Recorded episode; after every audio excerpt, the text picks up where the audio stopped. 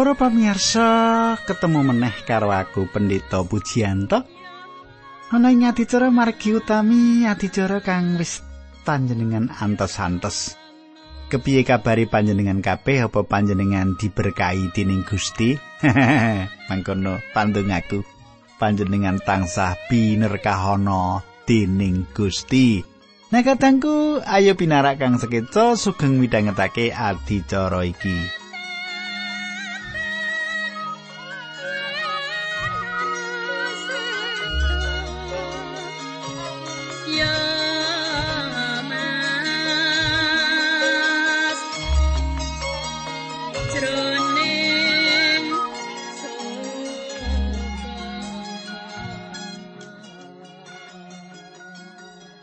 Sumitraku ing patemon kepungkur kita wis nyemak kepriye Gusti wis nyiapake wong-wong kang bakal melu cawe-cawe nggone gawe kemah suci.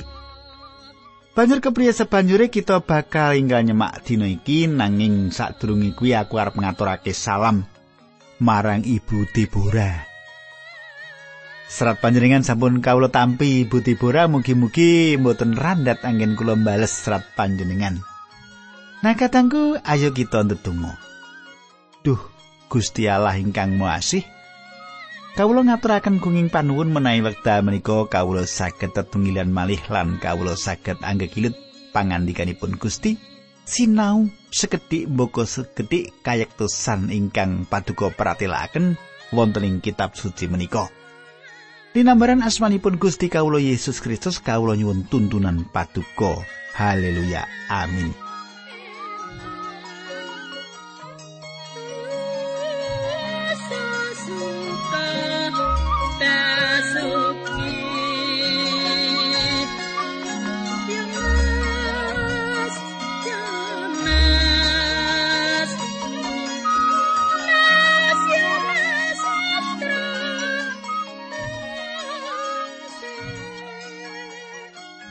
Sumitraku nggon kita sinau saiki wis ngancik kitab pangentasan bab telung puluh enam. Ing pasal utawa bab iki kita bakal sinau maneh babagan kemah suci. Kita wis sinau pituduh-pituduh kepiye nggone kudu gawe lan bangun kemah suci iki. Lan bangsa iki mbangun utawa nggawe kemah suci alandesan tuntunan-tuntunan kang wis diparingake. Kemah suci yaiku gegambarane Allah kang nyetakake bab Sang Kristus. Ya kanthi kemah suci kuwi meratelakake sapa to sejatine panjenengane kuwi. Bab 36 ayat 1 Besaleel Aholiab sarta sakaing tukang sing wis diparingi kaprigelan lan keahlian dening Gusti Allah ngerti carane gawe barang sing dibutuhake kanggo mbangun kemah. Wong-wong mau kudu gawe samu barang sing wis didhawuhake dening Allah. Katangku, saben wong kang melu nyambut gawe ana ing pembangunan kemah suci kuwi bisa uga anggotane akeh lan duwe kawasisan keprigelan dewi-dewi selaras karo apa kang diparingake Gusti Allah. Nah, wong kang ngesuwi wong-wong mau yaiku jenenge basa Leel. Ayat loro. Musa nglumpukake Besaleel, Aholiab sarta tukang-tukang liyane sing wis keparingan kahlian tining Allah lan seneng bantu banjur didawi supaya padha enggal miwiti nyambut gawi. Kadangku panjenengan gatekake perkara kang penting iki lan iki dadi landesan kita lelados marang Gusti. Menawa panjenengan ladi Gusti nanging kanthi patrap anggrundel. Halah, ngono dek. Halah, ngono dek. Luwih becik yen panjenengan ora susah lelati bae. Gusti Allah ora kepareng gunakake wong-wong kang duwe patrap kaya mengkono iki. Wong-wong kang bangun kemah suci iku ana kang duwe kewajiban ngukir barang-barang indah prabot-prabot kang bakal digunakake manembah Gusti. Dadi iki dudu gawean biasa. Wong-wong mau nyambut gawe ora nggunakake cara borongan utawa nyambut gawe kang mlebu ing sawijining organisasi. Uga ora wong nyambut gawe kanggo sistem kontrak Wong-wong mau ora mbangun kemah suci awit pancen pembangunan kemah suci kuwi dadi kewajibane wong-wong mau. Wong-wong mau ora nyambut gawe awit pancen kudu nyambut gawe. Wong-wong mau wis ngrasakake dadi batur tukon ing jaman kepungkur. Lan ing kene kaya-kaya dadi batur tukon meneh. Nanging sejatine wong-wong mau nggone nyambut gawe awit saka rilaning atine dhewe. atine wong-wong mau semeleh ana ing penggawean iku minangka bektine marang Allah. Ya mengkini iki carane panjenengan nindakake pakaryane Gusti Allah. Katangku ana pendeta kang kondo karo aku, aku seneng leladi. Nanging aku ora seneng khotbah. Nalika aku krungu kang kaya mengkono iku, aku nuturi wong mau supaya dheweke ora susah leladi wae. Ora susah pelayanan wae. Lah wong dadi pendeta kok wegah khotbah ya. Awit sing jenenge pelayanan, sing jenenge leladi kuwi ora bisa ninggalake sinau. Kalbu sinau ngotbahake pangandikane Gusti Allah. Yen ana pendeta kang ora duwe semangat anggone leladi lan khotbah ora semangat, mula becike ora susah ana ing tengahing pelayanan utawa leladi wae.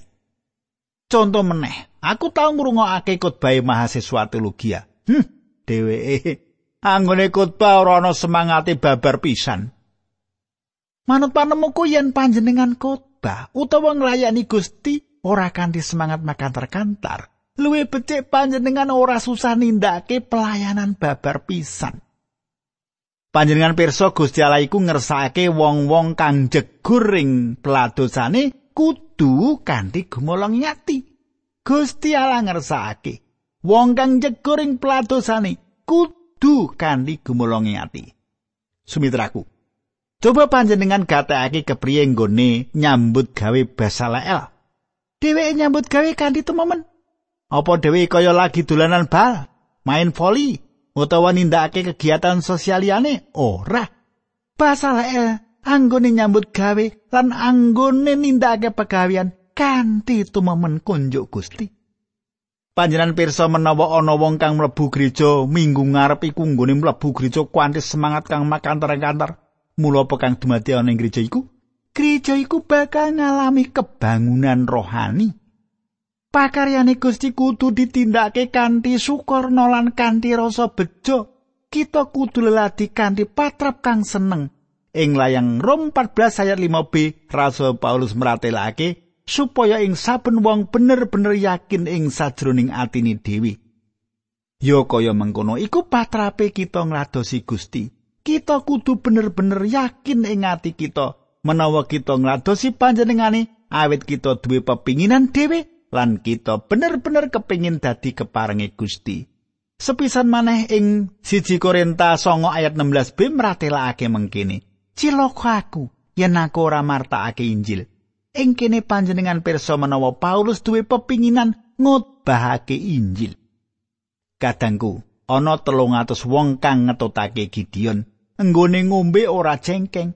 Wong-wong mau nyiduk banyu nganggo tangan lan ngombe saka tangane mau karo mripate ngulatake mungsuhe. Wong-wong mau kondo, ana ngendi wong Midian? Aku kabeh bakal nyirnakake wong-wong Midian mau. Panjenengan bisa nyemak ing kitab Para Hakim pitu ayat 5 nganti pitu. Yo semangat kang mengkene iki kang kita butuhake ing gereja ing jaman saiki.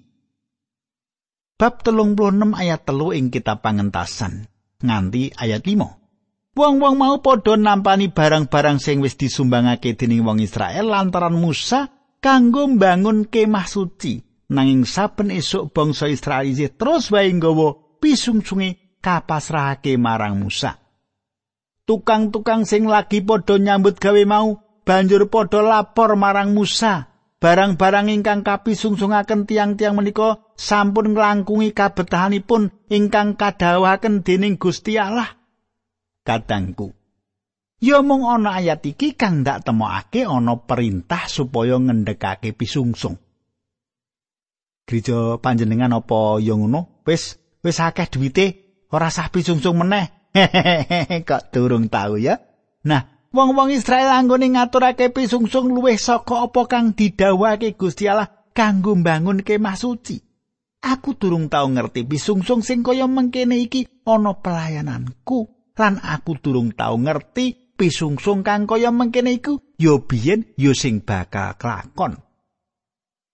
Ayat 6 pitu Musa banjur kondo ka wong-wong kabeh yen wis ora susah nggawa pisungsung meneh kanggo kemah suci dadi wong-wong banjur ora nggawa pisungsung maneh.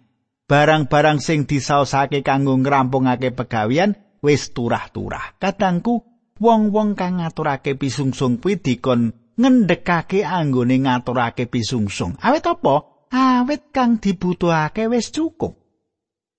Lalakon iki pancen gumunake ngatasé yen ndeleng kasunyatan bangsa iki lagi wae metu saka kahanan dadi batur tukon.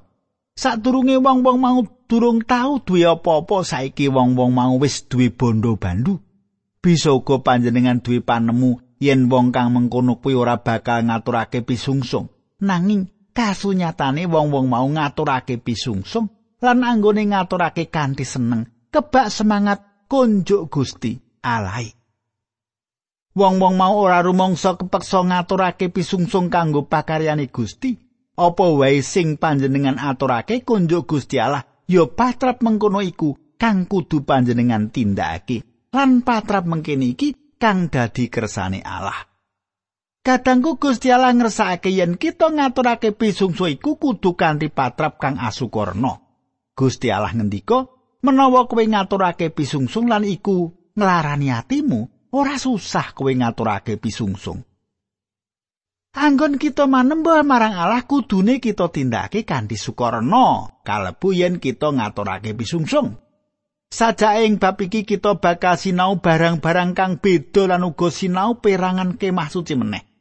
ketoke perkara iku mung baleni nanging kita bakal temeka kepiye pelaksanaane gawean iku kita uga perlu nyambut gawe wong Israel wiwit nindakake penggawean iku ing pasal iki ayat 8 ing antarané para tukang sing padha nggarap pegawean ana sing prigel banget gawe kemah palenggane Allah kemah mau padha digawe saka kain lena alus 10 potong ditenun nganggo benang biru wungulan abang banjur disulam nganggo gambar kerup nganggo suwiwi. Kadangku, apa kang dingendikake iku yaiku tutup saka kabeh kemah suci, tutup yaiku kang wiwitane digawa saka prabot kemah suci nalika wong-wong mau lunga ngumbara ing ora samun. Iku pager ing sisih njaba. Kain lenan kang alus saka Mesir kang ditenun bolae iki nggambarake keadilane Sang Kristus. Kain mengkini iki meratelake bab watek wantune lan pakaryani. Kain iki meratelake gegayutan karo keadilan kang disediakake kanggo kita kanthi mengkono kita bisa dienggoni sandangan kang dadi jalaran kita bisa sowan ana ing ngarsane Allah. Bab kang penting kang dadi kawigaten kita yaiku Sang Kristus kagungan kuwasa ngujuti kabutuhan kita. panjenengane kagungan kuwasa nyelametake kita. Panjenengane kagungan kuwasa merdekake kita. Panjenengane kagungan kuwasa njangkung kita. Katangku geber kang digawe saka wulu wedhus tutup kang saka kulit wedhus gibas lanang lan papan lan tataane uga meratelake bab pribadine Sang Kristus. Kemah suci kuwi dawane 30 asta lan ambane 10 asta, dhuwure 10 asta. bahane digawe saka kayu akasia, papane disalut nganggo emas kabeh, papan kuwi ambane saasta. Ing ora samun papan-papan iki abot banget supaya dipikul lan digawa ora nganggo kereta, nanging kabeh prabotan iku dipikul para imam saka suku Lewi. Katangku papan-papan emas kudu dipapanake ana nggon dewi, nanging saben papan emas mau duwe tataan kang mligi kang bisa dilebokake ing sajroning tataan perak lan sakabeh kemah suci sumindi ing perak mau. Perak kuwi dadi pralambang cirining panebusan. Kemah suci dicagakake bareng karo kayu-kayu lintang, gelang-gelang mligi dicantolake ing jero saben papan lan menawa sekabeh wis dipasang, kayu-kayu lintang diselepake ing sajroning gelang-gelang lan nyancang kemah suci bareng. Kemah suci yaiku sawijining bangunan kang sentosa. Katangku, kemah suci duwe geber sisih jero kang misake perangan kemah suci kang utama dadi rong bagian. Bagian kang luwih cilik disebut ruang maha suci lan kang luwih gedhe diwestani ruangan suci. Sabaranging sadroning kemah suci nggambarake perangan diri pribadi utawa pakaryane Gusti Yesus Kristus. Kita bakal ninggalake kitab pangentasan bab 36 lan saiki ngancik ing bab 37. Apa wae kang dipratelake ing bab iki sakbenere ana gegayutane karo pasal-pasal kang sadurunge ing kitab pangentasan iki. Ganti mengkono aku ora bakal maca lan mbabarake dawa-dawa ayat-ayat ing pangentasan 37 iki. Dudu nuruti ayat-ayat kitab suci kang wis tau dipratelake ing pasal-pasal sadurunge nanging kang bakal nganyarake sawetara lakon penting lan bab-bab kang manut panemuku penting. Kadangku, prabot loro kang ana latar perangan jaba yaiku mesbeh tembaga lan bak tembaga kang kanggo wisuh. Nalika panjenengan jumangkah mlebu ing ruangan maha suci ana prabot telu yaiku pedamaran emas, meja roti sesaosan lan mesbah dupa.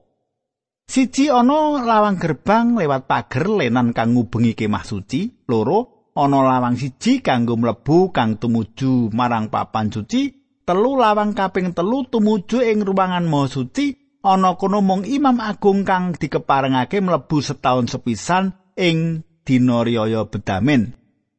Nah, kita bisa nyemak ana ing kitab kaimaman mengko lan Imam Agung mau nyipratake rah ing tutup bedamen kang iku mula sinebut tutup bedamen. Katangku ana pitung prabot kang ditata apik kanthi mengkono ngandut kegambaran kang indah. Mesbeh tembaga nggambarake bab salib Sang Kristus kang saka salib kuwi kita nampa pangapurane dosa. Bak kang kanggo wisuh nggambarake bab lelakon kang wis kelakon yen Sang Kristus wis ngumbah lan nyucake wong-wong kang dadi kagungani. Bak pawijian, pawisuan yaiku papan kita ngakoni dosa kita lan nampa pangapuraning dosa lan panyucenani. Kadangku papan suci yaiku papan kanggo manembah. Ana papan iku ana pendamaran emas kang gambarake Sang Kristus minangka pepadangi jagat. Meja roti sesaosan gambarake Sang Kristus kang dadi roti gesang kang kita maem. Misbah dupa ukupan yaiku papan kita ndedonga. Mesbeh iki gambarake kasunyatane menawa Sang Kristus iku dadi pantoro kita. Ing layang kiriman marang pesaman Ibrani mesbeh ukupan dipapanake ing ruang maha suci ora ana ing ruang suci awit pantoro kita saiki ana ing swarga nanging mesbeh ukupan ana njaba ana ruang suci nggambarake yen aku lan panjenengan bisa teka ana ing kini katangku nalika wong percaya pengin manembah Allah wong-wong mau mlebu ing ruangan suci iki lan perkara-perkara kang ana gegayutane karo ibadah yaiku ngakoni dosa, pujian, atur panuwun, donga sapaat, nyuwun sawijining panyuwunan lan kabeh mau ana ing ruangan suci iki. Menawa panjenengan kepengin pepadang kang diwenehake jagat, panjenengan bisa metu saka ruangan suci iki. Nanging menawa panjenengan kepengin padang kang saka pendamaran, panjenengan bisa mlebu ana ing ruang suci, ruangan suci. Kanggo lelato Sang Kristus, panjenengan ora bisa lumaku kanthi kawicaksanan saka jagat nanging kudu kanthi padang pangandikane Gusti. Katangku ana artis kang jenenge Josh Howell wis gawe gambar jerone kemah suci tanpa geber kang misake. Perangan sicih jero katon ruangan maha suci lan nyimpen papan kalenggahane Allah. Perangan sicih ngarep nggambarake Sang Roh Suci ing kono ana pendamaran mesbeh ukupan lan meja roti sesausan. Ruangan maha suci nggambarake Yesus Kristus sing ngasane pun Gusti Allah. Ing sajroning layang Ibrani, kita supaya menyang papan damparing sih rahmat, tutup bedamin, nggambarake perkara iki lan ya iki kang dadi papan kita nemokake sih rahmat kang mitulungi kita nampani sih piwelase nalika mbutuhake. Ana tutup bedamen kanggo wong percaya ing swarga. Kadangku nalika Sang Kristus rawuhing jagat, panjenengane ora mung gambaran bab kemah suci, nanging panjenengane uga nindakake perkara kang ngidap-idapi. Kemah suci ing ora samun tansah sejajar karo bumi. Kemah suci didekake ing sandhuwure lemah kang lempar kanthi cagak-cagak lan papane kang diselarasake karo dasarane. Nanging nalika Sang Kristus rawuh kanggo nebus dosa-dosa kita, panjenengane damel kemah suci dadi ngadeg ngejejer. Salib sawijining misbah tembaga lan ana kono putra mendane Allah dipisungsungake minangka korban panebusing dosa kita. Panjenengane mati ana kene kanggo nyelametake kita. Nanging panjenengane bali menyang swarga. Ing kene saiki panjenengane makuwon kanggo njaga kita supaya kita tetep slamet. Ruangan Maha Suci saiki ana ing kasuwargan. Kadangku, kita ora sowan ing Allah kaya marang manungsa yaiku mlebu ing sawijining wangunan ing kono ana wongi. Nanging menawa kita kegayutan karo panjenengane, kita nyawang marang langit lan sowan langsung marang panjenengane lumantar Sang Kristus. Siji Timotius loro ayat 5 meratelake mengkini. Awit Gusti Allah kuwi siji, lan ya siji sing ngrukunake Gusti Allah karo manungsa yaiku Kristus Yesus. Sabanjuri kadangku kang dadi pitakonanku yaiku ana ngendi panjenengan saiki kang digayutake karo kemah suci iki. Ana ngendi panjenengan saiki kang digayutake karo kemah suci iki? Apa panjenengan perlu ngadeg ing misbah tembaga lan dislametake? Akeh wong malah ana wargane pesamuan kang perlu lunga mrono. Apa panjenengan dadi wong Kristen kang bobrok kang perlu ngakoni dosa panjenengan ing bak pawisuan lan perlu disucikake? Utawa panjenengan saiki nuju mlaku ing pepeteng? Katangku jumangkah mlebu ing papan suci lan mlaku kanthi cahya pendamaran emas. Bisa uga urip kasukman panjenengan rada mlempem kanthi mengkono panjenengan perlu dahar roti gesang supaya panjenengan kuat meneh. Bisa uga donga panjenengan saiki mrehatinake kanthi mengkono panjenengan perlu ngadeg ana ing ngarepe misbah hukuman. Bisa uga panjenengan lagi ngadepi kangelane urip yen mengkono panjenengan butuhake sih kawelasan, sih rahmat lan pitulungan. Panjenengan tak aturi pirsa, ana tutup bedamen. Saiki kanggo panjenengan ing wektu iki, panjenengan kudu tindak merono lan nampani pitulungane Allah kang ngenteni panjenengan. Gusti berkahi lan nuntun panjenengan ayo ndedonga. Kadangku kepiye terus perangan iki kita bakal nyemak ana ing sajroning ayat-ayat sebanjure saka kitab pangentasan iki ing patemon kita candake ya. Awit saka kuwi panjenengan kudu ora kena gotang supaya duwe kawruh bab karohanen kang jangkep. Nah, monggo kita ndedonga. Duh Kanjeng Rama ing swarga kawula ngaturaken kuing panuwun kawula sampun ngraosaken pangandikan paduka kawula sampun sinau kawula nyuwun Gusti berkahi lan Gusti mitulungi kawula sami linambaran asmanipun Gusti Yesus Kristus kawula tunggu haleluya. Amin